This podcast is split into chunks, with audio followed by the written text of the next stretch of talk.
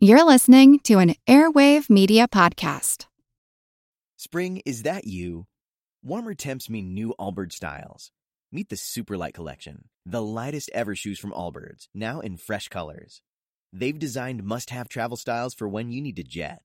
The lighter than air feel and barely there fit make these shoes some of the most packable styles ever. That means more comfort and less baggage. Take the Superlight Tree Runner on your next adventure. Its cushy, lightweight foam midsole supports every step, and the extra outsole traction gives you the grip to just go for it. The eucalyptus fiber upper adds next level breathability to keep you going all day. Plus, the Superlight Tree Runner is comfortable and ready to go right out of the box. So, what can you do in a superlight shoe? What can't you do is the better question. And because they're super packable, the real question is where are you taking them? Experience how Allbirds redefines comfort. Visit allbirds.com and use code SUPER24 for a free pair of socks with a purchase of $48 or more. That's A L L B I R D S.com, code SUPER24. Without the ones like you, who work tirelessly to keep things running, everything would suddenly stop. Hospitals, factories, schools, and power plants, they all depend on you. No matter the weather, emergency, or time of day, you're the ones who get it done. At Grainger, we're here for you with professional grade industrial supplies. Count on real time product availability and fast delivery. Call clickgrainger.com or just stop by. Grainger for the ones who get it done. This is Kick Ass News. I'm Ben Mathis.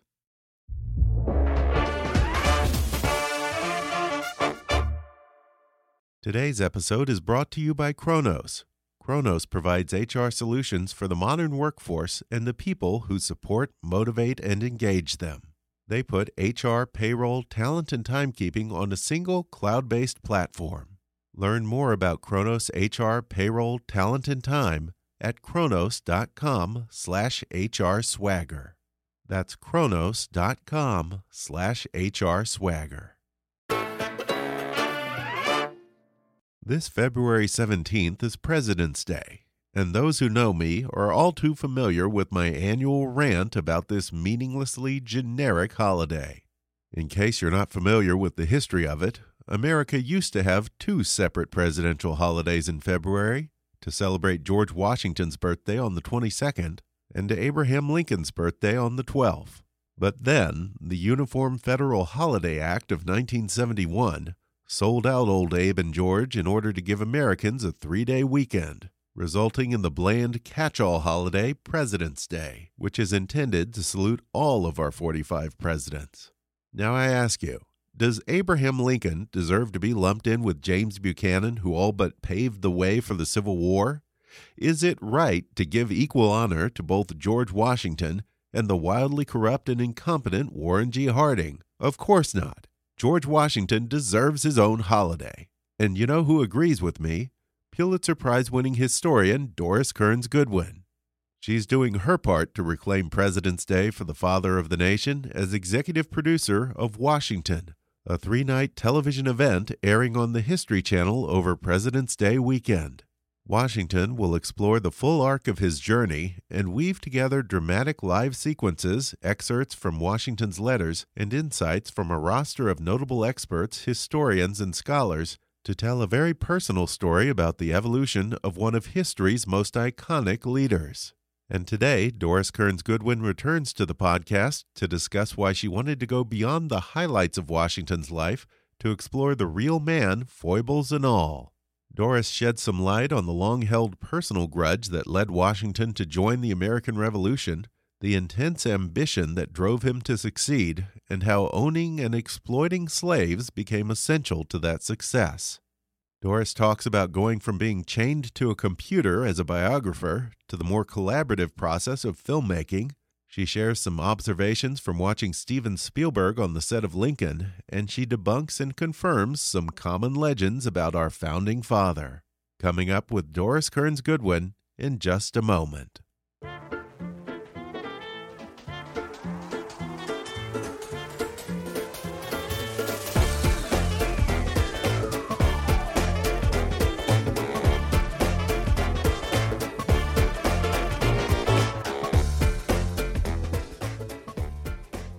Doris Kearns Goodwin is the Pulitzer Prize winning author of Lyndon Johnson and the American Dream, No Ordinary Time, Team of Rivals, The Bully Pulpit, and Leadership in Turbulent Times.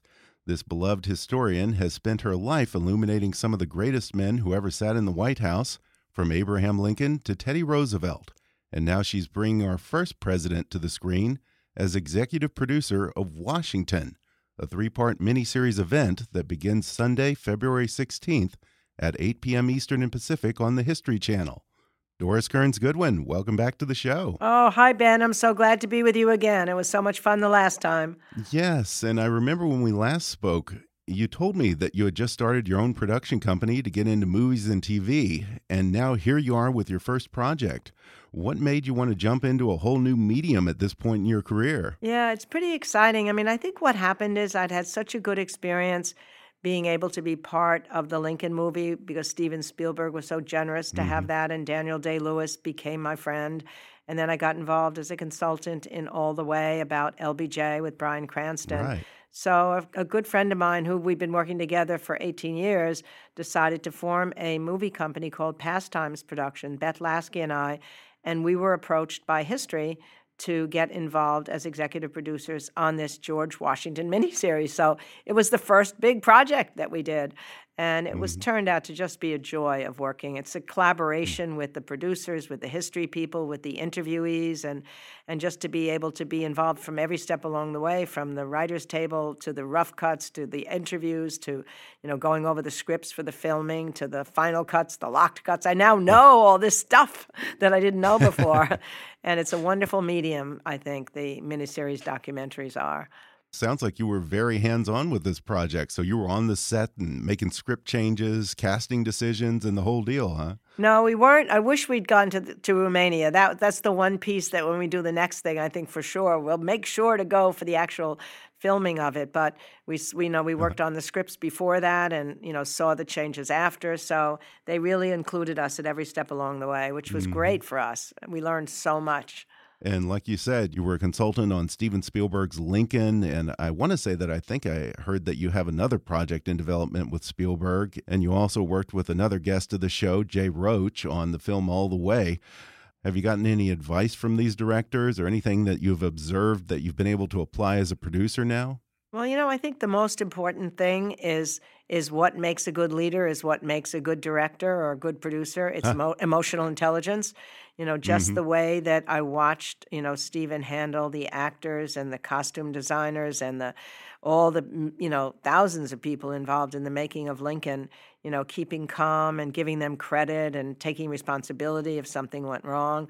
All the things mm-hmm. you want in a leader are true you know, and similarly, that's the way we hope that we've been able to deal with teams of people on this. I mean, there's um, Rail Splitter Company that was the production company, and then there's you know dozens of people from the History Channel, and then there were all the people that some of whom we were able to recruit who would be interviewed for this, and making sure that they you know had whatever they needed for the interviews. So and then watching the process develop. So it, I think it mm-hmm. is that emotional intelligence of just enjoying the collaboration and being able to have humility about what you don't know and surrounding yourself with people who know a lot more than you do. And boy, was that true. They knew so much more about George, but I feel like I could stand on their shoulders and I now know George. I even call him George now. yeah, it must be a very different experience for you because when you're writing, I have to imagine that's a pretty solitary process. Have you enjoyed the collaboration of producing Washington? You know, I think, Ben, that's the real reason why this has been such a pleasure to go into films right now. I mean, I'm sure I'll find another book to write, and my husband was writing a book about the value of public service and uh, hmm. kind of an idealistic call to young people when he died a year and a half ago, and I'm hoping to finish that. But in the meantime, there's something about being able to be part of a team every day. Because at least when my husband was there, the two of us together would be there writing, so it wasn't lonely. But now to work every day with, with these people who have an equal, intense feeling about what they want this to be and to go through all this, you know, the strains and the triumphs of it. Um, it's a really large experience that anybody who works in an organization knows, but it's been so long since I've done one that I've really enjoyed that as much as anything and makes me want to do more. We've got a chance for a movie about Ida Tarbell, one of the characters in Bully Pulpit, Oh, um, yeah. to be made by Amazon, actually. And wow. um, we've at the stage where there's a couple scripts that have been done, which we think are really good, and hopefully that might happen. So we feel like we're just getting started. I just wish I were 20 instead of my age because I'm really enjoying this a lot. Maybe it'll Yeah. just make me younger than I am to keep doing it. well, tell us about some of the talent that you've lured to your miniseries. You've got the great Jeff Daniels narrating, and people will, of course, recognize the man playing George Washington on screen from Netflix The Crown. Well, what was what was fun about getting Jeff Daniels was that um, I had met him in the course of talking to him about a possible project on Franklin Roosevelt. He would be a perfect Franklin Roosevelt, and Oh, then yeah. went and then went to he invited us to um, To Kill a Mockingbird, and then when we asked him about being narrator, he said yes at once, and it's, it's he's got a wonderful voice for this, so that was pretty great. And then we were able to get some of my fellow historians, and many of them already had been gotten by the history people, but to add to the list, and President Clinton and General Powell. So when I called General Powell, it was it turned out to be such a wonderful addition because he could talk about what it was like for George Washington to have to discipline the troops as hard as it is to have to sometimes hang deserters to make an example for the team and how difficult that is for a war leader. He was able to talk about how it changed George Washington in one of those early battles with Braddock when he saw a thousand people die out of 1500 and never again would war be an adventure. This is the worst. This was the worst is what powell, powell said and then President Clinton offering the insight, uh, even just from his personal experience, of what it was like to lose a father when he was young and have to be more independent as he was because he had to, there was a strain with his single mother having to keep up the farm and he didn't have time to putter around. And then understanding that he had certain strengths and he was worried always about not having had a lot of formal schooling like you know adams gone to harvard and jefferson had gone to william and mary and he was not even able to go to london for schooling as his half brothers were because his father had died when he was 11 and yet he then put these kind of people around him as his advisors and when he chose to motivate the troops at the crossing of Delaware, instead of making his own motivational speech, he used the words of Thomas Paine, knowing that Thomas Paine was a better writer and orator than he was. So all of that came from Clinton's understanding. Um, so it was great. And he understood what it was like to be a president and the anxieties of the presidency. So it rounded out, I think, the show in a lot of ways that I was very glad to be part of. You know, you've written a number of books about U.S. presidents. What appealed to you about telling this story through a miniseries rather than doing another presidential biography?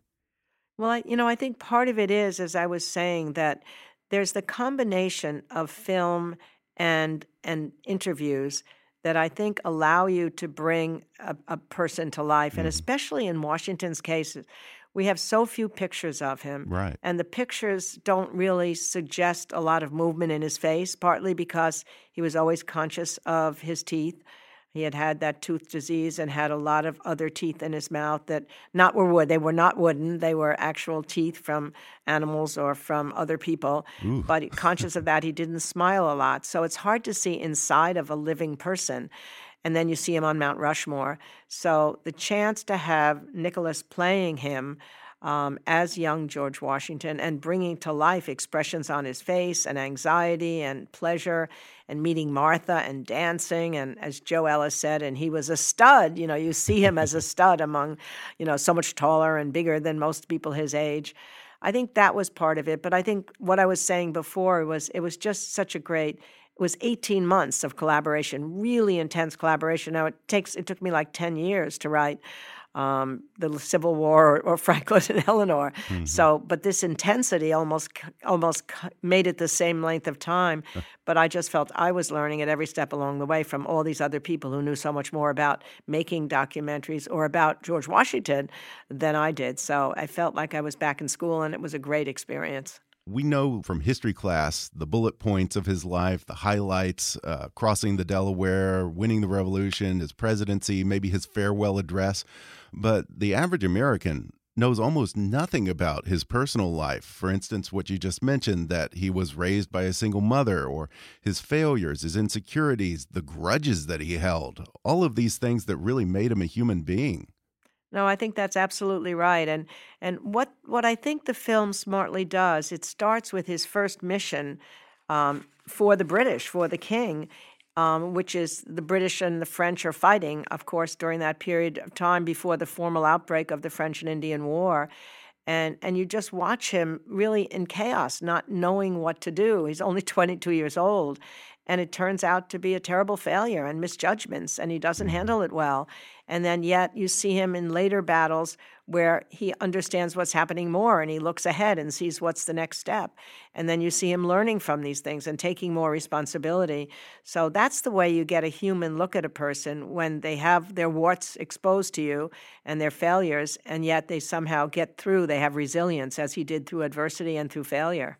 And for me, I think one of the most interesting revelations in the miniseries was how much of Washington's desire to join and lead the revolution goes back way before things like the Stamp Act and the Boston Massacre to these very, very old grudges that he carried for years against the crown. How personal was this for him? Yeah, you know, you think, in fact, one of the historians said, you know, that it's an interesting thing that if the British had allowed him to become a British officer um, and given him what his experience should have allowed him to get recognition for his his strategic understandings he might have been loyal to the British and this might never have happened.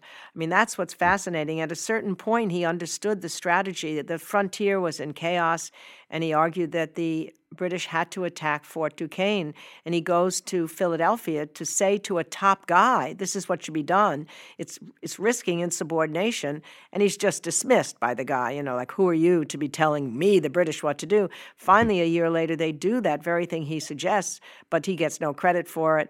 And yet, and then the French and Indian War comes to an end and he leaves the army. And then he comes back in, obviously, as a continental officer.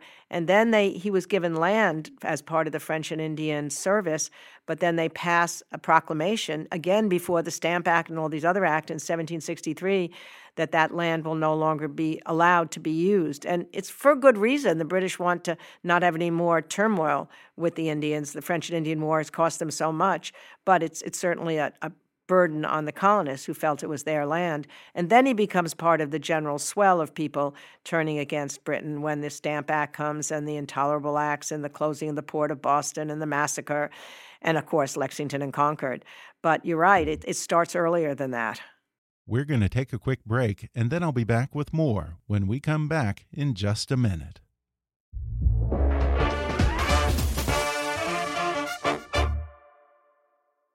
Wave is a free, easy to use financial software that helps freelancers, consultants, and small business owners make, move, and manage their money, bringing them closer to financial success through accounting, invoicing, payments, and payroll. Just like Chris. Chris started his own business three years ago and has been using Wave ever since. He was never confident about the financial aspects of running his own business, but since discovering Wave, he was relieved to find a service that made invoicing and payments so straightforward. Wave's free accounting, receipt management, and invoicing tools give your business the professionalism it deserves. Have employees? Wave can pay them directly and automate your payroll tax filings. Payroll helps business owners like Sean. Sean felt like he was dealing with taxes and payroll every day, and making sure everyone got paid took away the enjoyment of running his business. Having automatic deductions with payroll let him get back to doing what he enjoys most. I only recently started using Wave. I was tired of the hassle of invoicing, chasing clients for payment, payroll, accounting, tax compliance. It's a headache that I just didn't need. I just wanted to be able to focus on my podcast. That's why I love Wave's easy to use accounting software. It's simple, intuitive, and it saves me time. In fact, now I'm using Wave for my payroll and invoicing as well. Bottom line, Wave simplifies my life. It's time to ditch the Excel spreadsheets, shoeboxes full of receipts, and lost invoices and start growing your business. Set your business up for financial success by signing up for your free account today at waveapps.com/kick. That's waveapps.com/kick. something that I think often gets overlooked about Washington, which is this fascinating dichotomy of this man who was unbelievably ambitious from a very early age. He wanted to be a great land baron and desperately craved status and fortune. But at the same time, he also had his personal code of conduct that dictated that he be humble and not really campaign for something like becoming general of the Continental Army or president. It must have been a very difficult tightrope for him to walk. Uh, how do you reconcile those two sides of his personality? Yeah, no question. In fact, I think when we think of ambition, sometimes it's seen as a negative thing, but the drive for success and the ambition to succeed is absolutely essential in anybody's mm-hmm. success. Um, I've seen that in all the leaders that I've studied, and especially among a lot of those people during this era and time. Their ambitions were huge. I mean, it was eventually, once he gets into the war and gets into the presidency, then that whole founding fathers, their ambition is to be remembered by history. They're thinking at a much larger level. But at some mm-hmm. point, that ambition for self does become an ambition for something greater. But you're right, it's a tightrope at times. Like when he goes to the first um, Continental Congress, he arrives in his military uniform. you know, so that's right. not um, an accident. You know, he's he's able to say, you know, no, I guess it's the second one he goes to. He's able to say, you know, I am the one with the experience, even though he's not campaigning to become the leader of the Continental Army. No, but that military uniform is a symbol of it. So he's very mm-hmm. strategic mm. about doing these things. But then the great thing, as as Mr. Powell, General Powell points out, is he could have been a king when the revolution is won Eh, almost always a general who wins the revolution just steps into the power, and then that would be the end of whatever republic they were going to try and create. But instead, he goes back to Mount Vernon. And that's when George III said, you know, my God, if he really did that, then he's the greatest guy in the world. Yeah. And then again, after two terms, he could have stayed on for a third, fourth until he died. And then we would have had a very different presidency than the one that basically became a two term presidency, with the exception of FDR in those two terms during the war. And talking about his grand ambition to become a moneyed land baron, one thing the film points out is just how much that ambition was tied to slavery. If he wanted to be a success, he had to have slaves. Having land without slaves to work the land was practically useless. Absolutely. And in fact, that's one of the things that that one of the historians says, you know, you'll be inevitably disappointed when you see the letters mm. that he writes about the slaves and how important they are for his land. And they to get land without slaves, without the p- slaves which she considered property, would make you just as you say the, the land useless. And and so those are the things you wish were different, obviously. But and on mm-hmm. the other hand, he's the only one of the Virginia dynasty, even though he waited until he died to free the slaves, and even though he waited until Martha died for their emancipation to be re- realized. Um, none of the other none of the other great founding fathers in the Virginia dynasty did the same thing. So so he does make a movement toward ending slavery, but very late in his life. And and again, you mm-hmm. you look at it from the context of our time, and and you wish it were different. But that means wishing that the whole slavery issue were different, and that we hadn't right. had the original sin of slavery. And he's part of that world that lives at that time.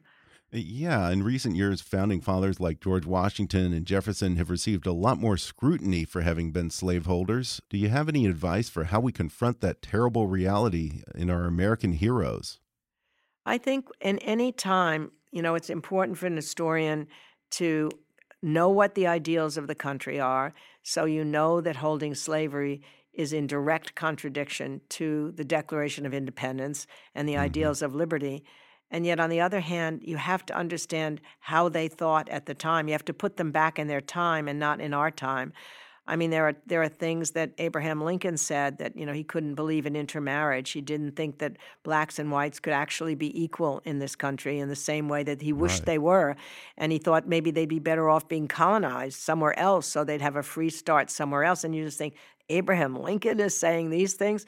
And then on the other hand, you see him emancipating the slaves um, with the Emancipation Proclamation, and you see Frederick Douglass talking to him and saying, no, no black person was ever treated more equally by a white person than I felt by Abraham Lincoln. So it's a very complex thing. And I think as historians, it cannot be just that we look and say, well, then that undoes them if they didn't do what we wish they had done. You just have to see them in their mm-hmm. time. You feel sad that it didn't reach them the way it might have reached other people who understood abolitionism in the North, but they were part of a world, and we have to try and understand that world as well. You mentioned earlier that you came to this project with a less detailed knowledge of George Washington's life than some of the other presidents about whom you've written. When you were making this mini series and learning about him, what came as the biggest surprise to you? Well, you know, I think what most surprised me was that I didn't imagine that I would feel emotionally connected to him because things that I did know, I mean, I taught a presidency course um, for years. So I obviously had a few lectures on George Washington and I'd seen pictures of him, but the pictures never produced a person who you could feel connected to somehow, partly because of mm-hmm. that never smiling, but partly because of the way they took pictures in that time.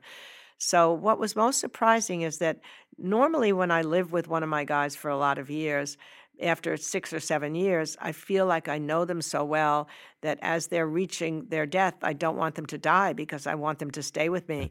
And I wasn't sure I was going to feel that about George Washington. But because of the way the whole film is produced, because you've lived through those early years, because you've watched him grow, because you've seen him lead the colonial army, then go back home, you've seen him have difficulties in the presidency, being hurt by the partisanship of his era, and yet not undoing free press. And again, seeing him want to go back home after that. When he only got a couple years to live after the presidency was over, I just felt so sad. I wanted him to have more time on that Mount Vernon estate, which gave him such solace. And when he died, I really felt it. So I guess what surprised me was that even though he's not really one of my guys, the same way he is of, of those historians who spent their lives studying him, I feel like he almost became one of my guys by working on this mm-hmm. with such intensity over these last 18 months. So that was a real joy to behold. I love that you refer to your subjects as your guys. You really seem to have a personal relationship with them. No, you do feel that way when you wake up with them in the morning and you go to bed with them at night. And George would have been a natural person to want to study. It was just too overwhelming. There were so many mm-hmm. wonderful mm -hmm. biographies about him. And it was hard enough for me to do Lincoln with 14,000 biographies about him. And he was further back in time than I knew. I was mostly 20th century. But to go even further back in time and to, to know that all these great biographies have been written would have made it probably an impossible task for me to think that I could mm-hmm. write a biography about George Washington without spending at least another 20 years, maybe. Um, so this was this was just wonderful to be able to grow in my understanding of him through my fellow historians, through the filmmakers, through the mm-hmm. actors and I feel like, as I say, I he I feel like if I were going to bring Lincoln and Teddy and Franklin and LBJ together, I think maybe I could persuade George to come into the group and we could all talk together.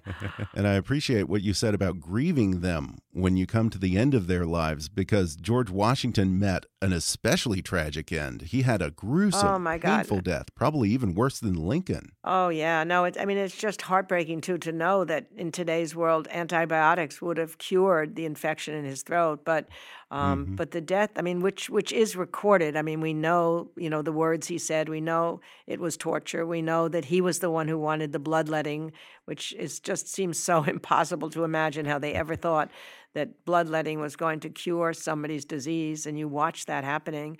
And um, yeah, there's there there's there's a, a, visceral part of that death that you see that mm-hmm. you're right with with Lincoln. It's the shot, and then he's not going to have consciousness again. So this this is a longer drawn out process. And last time we spoke, we talked about your book Leadership in Turbulent Times, which focused on Lincoln, LBJ, Teddy, and Franklin Roosevelt. I can't imagine a more turbulent time the American Revolution and the beginnings of this country. Uh, what are the leadership lessons one can draw from George Washington? I mean, you're absolutely right. I mean, I think we forget because of the victories that are won. You know, this is one of the things that um, Barbara Tuchman wrote about that mattered so much to me. She said, even if you're writing about a war as a narrative historian, you have to imagine to yourself you do not know how that war ended, so you can carry your readers with you every step along the way, only knowing what the people at the time knew. When you go back to those early days of the revolution, um, it didn't seem possible that this ragtag army, which he had to rebuild everywhere he went, he has a new militia. They have to be trained. Half of them are deserting. They're going, they're just running home when they can. Uh, he has to teach them how to fire. He has to teach them to listen to commands. And it seems like an impossible task against this huge British army. And so it certainly was turbulent. But he learned he learned how to build them up. Finally, he even in the early days of the French and Indian War, he developed almost a Rangers unit among his troops by the constant discipline, by being tough, as Powell said, you know, by you know letting the people who disciplined, who needed discipline, who were trying to run away from battle, be executed. I mean, it's hard to see that, um, but as Powell said, that's necessary. And then you watch him sort of strategically understanding how the troops had to have a sense of purpose. You know, that's why he read the the Paine words before the crossing of the Delaware, as I was saying. Um, it's why the Declaration of Independence came at exactly the right time when the British Armada was here. That's when luck sometimes happened. Just as the mm-hmm. British Armada reaches our shores to clearly overwhelm the colonial troops, the Declaration is printed and everybody's reading it aloud, you know, and it gives a cause that the British didn't have to fight for their own land. So um, yes, I, it was an extraordinary time. And you watch him surrounding himself both as a, a leader in the in the war and then as president with people who are, are able to challenge him and question him and give him advice, which he sometimes takes and goes in the direction they suggested rather than where he thought he should go.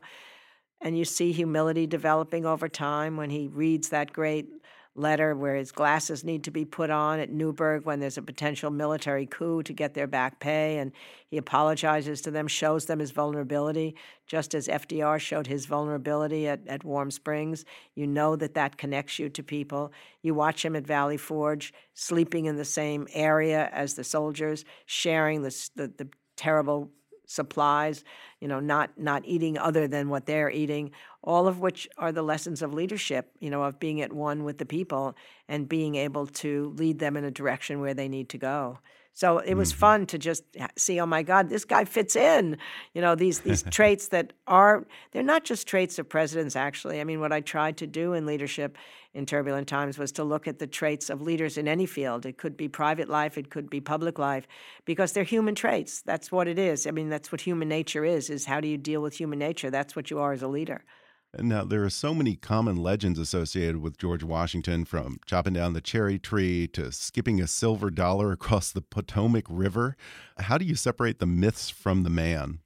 Well, you know, I think we know that what happened in the beginning was, especially by this book by Parson Weems, wanting to make him a hero, he just created heroic moments. And, and over time, they were able to interview people who knew or recreate that you couldn't skip the coin across the river. It was too wide. Um, we know now from the experiences of what happened in that early battle with the Half King that after he came out of that battle, he lied about what had happened in the battle. So we know that he did indeed tell a lie. I'm still not sure about the cherry tree. I mean, I, I, we, we know that he didn't have wooden teeth as we thought he had you know, that they were actual real teeth that were bought from other people. So, what's important are the, the real truths. This is so true about human nature. It's why fiction sometimes isn't even as good as facts, because the real human story is always more dramatic than the ones that are made mm-hmm. up. I mean, the real things he did, you know, to, to mobilize those troops after those terrible losses, to cross the Delaware, you know, to give the troops hope when they still didn't have supplies at Valley Forge, are so much more meaningful than chopping down a cherry tree, or, you know, right. or, or, or somehow being able to skip a coin across across the Delaware River. but I'll tell you, Doris, I actually had Adam Savage from Mythbusters on the show a while back, and he put that to the test. And oh. he said you can actually skip a silver dollar no across the kidding. Potomac well, I don't know if George Washington could have, but he well, he was possible. pretty strong. You know, as Joe yeah. Ellis said, he was a stud, so maybe he did. oh, I have to rethink this now because the yeah. other people I heard who tried to do it, maybe they just weren't as strong as our your guy. Maybe not. That's great. Yeah, and I had a lot of listener questions about some of these common myths, and I want to ask you real quickly about a couple of them. Uh, was George Washington one of America's first marijuana growers? Oh my God, I don't, I don't know. You know what? Okay. It, it's not crazy, only because after the tobacco crops were being so um, used by the British over in England, and they would choose whatever price they wanted to pay for them, and then you had a credit for whatever you mm-hmm. wanted to buy from them. And it was a whole system that made it hard for the planters here to gain any kind of wealth. And George fell behind in debt. He decided to change his crops to go from tobacco to grain to corn to wheat. So I don't know whether one of the little hills might have been used for marijuana. Yeah. Yeah. You're teaching me things, but he was an entrepreneur, so maybe so. I have a feeling that if anything, it was probably a matter of him growing hemp, which probably would have been for entirely different purposes. I, I, I I suspect that is the answer. yeah. Uh, how about the powdered wig? Did George Washington wear a powdered wig? Yes, I mean, um, you know what's what's what I love about the film is that in the early days the wig is pulled back in a ponytail, and he really Mm-hmm. looks handsome. I mean, that's that's where I have this feeling now of a handsome young George. No wonder they wanted to dance with him at the dances. And later, then when the ponytail goes and it just sort of sticks out on the side. If that's a wig later, then uh, he was better off with the ponytail earlier on. If we were a hairdresser, I'd tell him just stick to that. Yeah. well, Washington airs this coming President's Day weekend. And I have to ask you, because this is something that's stuck in my craw for a long time President's Day. Isn't it a cop out, Doris? Without a question. Doesn't Washington, the father of the nation, deserve a holiday of his own, and Lincoln too, instead of this generic President's Day? I, I couldn't agree with you more. I understand the benefit of having a longer weekend, but there's something about celebrating each president and remembering then so that in schools mm. we're talking not just about all the presidents. Are we going to lump in, you know, um, Franklin Pierce and Millard Fillmore and Buchanan with um, Right. Lincoln, Washington. I think we should go back to Lincoln and Washington. And I, the third national holiday that I think is around this should be Election Day. I would argue so strongly, especially after what we're thinking about right now. Why not make it as easy as possible for people to vote? Um, and they should have that day off and vote. So I would go back to Washington and Lincoln and Election Day, and that would be good. And Martin Luther King Day would stay as well. I I completely agree. I think we need to start a movement, especially for Election Day. Me too. Well, before we go, what's up next for you? Are you going to be producing other miniseries, movies? Well, I hope so. I mean, um, Beth Laske and I, this is our first production to be involved in this miniseries on George Washington. It's been so much fun that we've also got a possibility of a, a movie about Ida Tarbell, one of the oh, heroines right. of Bully Pulpit, who did the investigative reporting that brought down Standard Oil. And a script, several scripts have been written, um, several drafts of the same script for Amazon, and there's real hope that that might be made into a movie. And then we've got a bunch of other things we'd like to do as well. So it's a fun world. It's a collaborative world, unlike the solitary world of writing. And especially, to be honest, now that my husband is no longer alive, who I could write with together in our house, to be able to work with other people as part of a team has really been great. Well, just promise you're not going to go all Hollywood on us, Doris. Oh no, I still have to finish the book my husband was writing first. He was writing a book about the value of public service before he died, and I'm going to finish that first. And there'll be another book when I get to it in my head somewhere along. I'd like to write about a woman somehow along the line. Well, again, the three part miniseries Washington begins Sunday, February 16th at 8 p.m. Eastern and Pacific, only on the History Channel. Doris Kearns Goodwin, it's always a pleasure. thank you, thank you, Ben. I'm so glad to be with you again. We'll do this again sometime. Thanks again to Doris Kearns Goodwin for coming on the show. Don't miss her three part miniseries, Washington, beginning Sunday, February 16th at 8 p.m. Eastern and Pacific, only on the History Channel. Today's episode is brought to you by Kronos. Kronos provides HR solutions for the modern workforce and the people who support, motivate, and engage them. They put HR, payroll, talent, and timekeeping on a single cloud based platform. Learn more about Kronos HR, payroll, talent, and time at kronos.com slash HR swagger. That's kronos.com slash HR swagger. If you enjoyed today's podcast, be sure to subscribe to us on Apple Podcasts and rate and review us while you're there. Five star ratings and detailed reviews are one of the best ways for new listeners to discover the show. You can also follow us on Facebook or on Twitter at, at KickassNewsPod and recommend us to your friends on your social media. For more fun stuff, visit kickassnews.com, and I welcome your comments, questions, and suggestions at comments at kickassnews.com. For now, I'm Ben Mathis, and thanks for listening to Kickass News.